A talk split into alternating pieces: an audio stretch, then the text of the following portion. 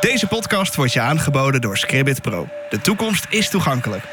Welkom bij deze bonusaflevering van de Beeldspeaker. De afgelopen week kon je horen hoe ik kasteel Roosendaal bezocht. In de laatste twee afleveringen hoorde je hoe ik daar de toren en de tuin bezocht. Heb je deze nog niet gehoord, dan zijn ze zeker het beluisteren waard.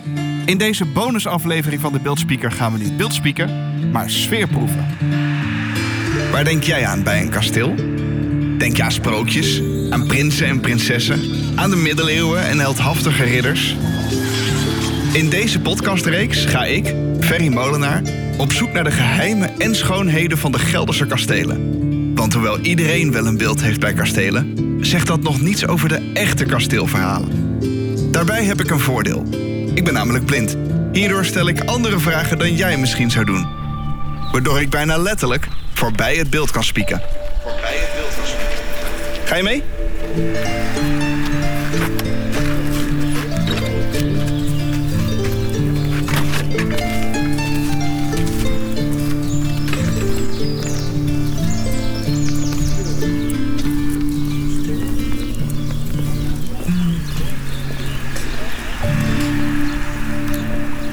Tijdens mijn bezoek op kasteel Roosendaal werd ik gastvrij ontvangen door Manon Talsma. De vroegste vermeldingen van het kasteel die zijn uit 1314.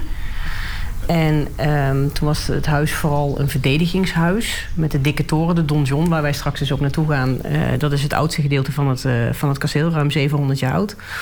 En ehm, het huis zat toen nog niet vast aan die toren. Die toren heeft eh, muren tussen de 2,5 en de 4 meter dik.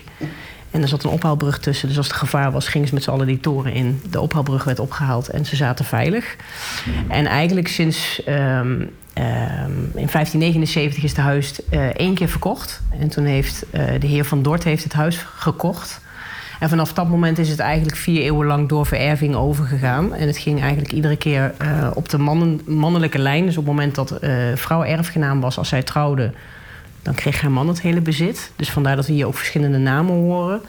Je hebt de naam van Dort, van Arnhem, uh, Tork en van Palland. En de laatste bewoners, dat waren de familie van Palland. En die hebben hier tot 1977 gewoond. Ja, en toen is het in handen gekomen van Stichting Gelders Landschap en Kastelen. In de jaren 80, midden jaren 80 begonnen met uh, het restaureren. En begin jaren 90 opengesteld voor publiek. Ik hoor ophaalbrug, verdediging. Wat is hier gebeurd? Kan je er iets over vertellen? Uh, nou ja, eigenlijk is hier, dat is heel saai, eigenlijk is hier niet zoveel gebeurd. Uh, het, huis is, het huis is gebouwd in opdracht van de graaf en hertogen van Gelderen. Die hadden natuurlijk in heel Gelderland allerlei huizen. En um, ja, er werd hier natuurlijk in die, in die tijd uh, best wel uh, redelijk wat gevochten nog. Uh, dus dit soort huizen werden gewoon gebouwd. Daar, daar, zaten ze op het moment dat ze op doorreis waren.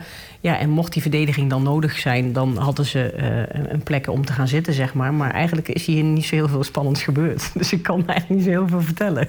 Okay. Sorry. Nee, Omdat het kasteel zo oud is en gebouwd is om ondoordringbaar te zijn, zijn er wat toegankelijkheidsissues.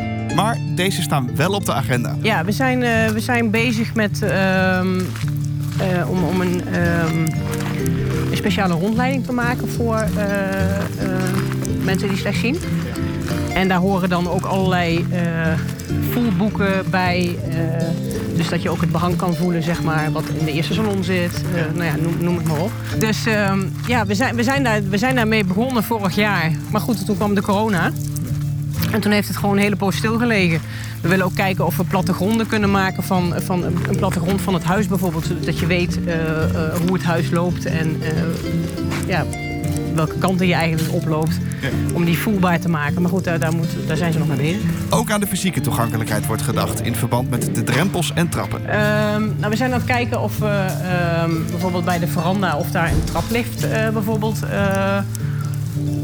zou gemaakt zou kunnen worden. Ja. Zodat mensen toch naar binnen willen. Maar ja, goed, we, blijven natuurlijk met die, met die trappetjes overal zitten. Ja. Als je om wat voor reden dan ook niet naar binnen kunt of het allemaal niet kan zien, dan blijft een bezoek aan kasteel Roosendaal de moeite waard. Al is het alleen maar vanwege de fantastische tuin.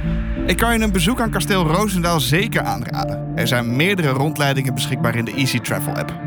De bereikbaarheid is ook helemaal in orde. Met de bus is het lijn 8 vanaf Arnhem Centraal en dan stap je uit bij de Kerklaan vanaf waar het ongeveer nog 5 minuten lopen is.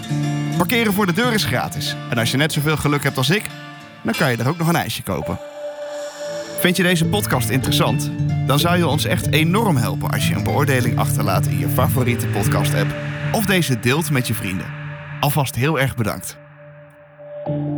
De beeldspeaker wordt je aangeboden door Scribbit Pro en is mede mogelijk gemaakt door het Bartimeus Fonds en Gelders Landschap en Kastelen.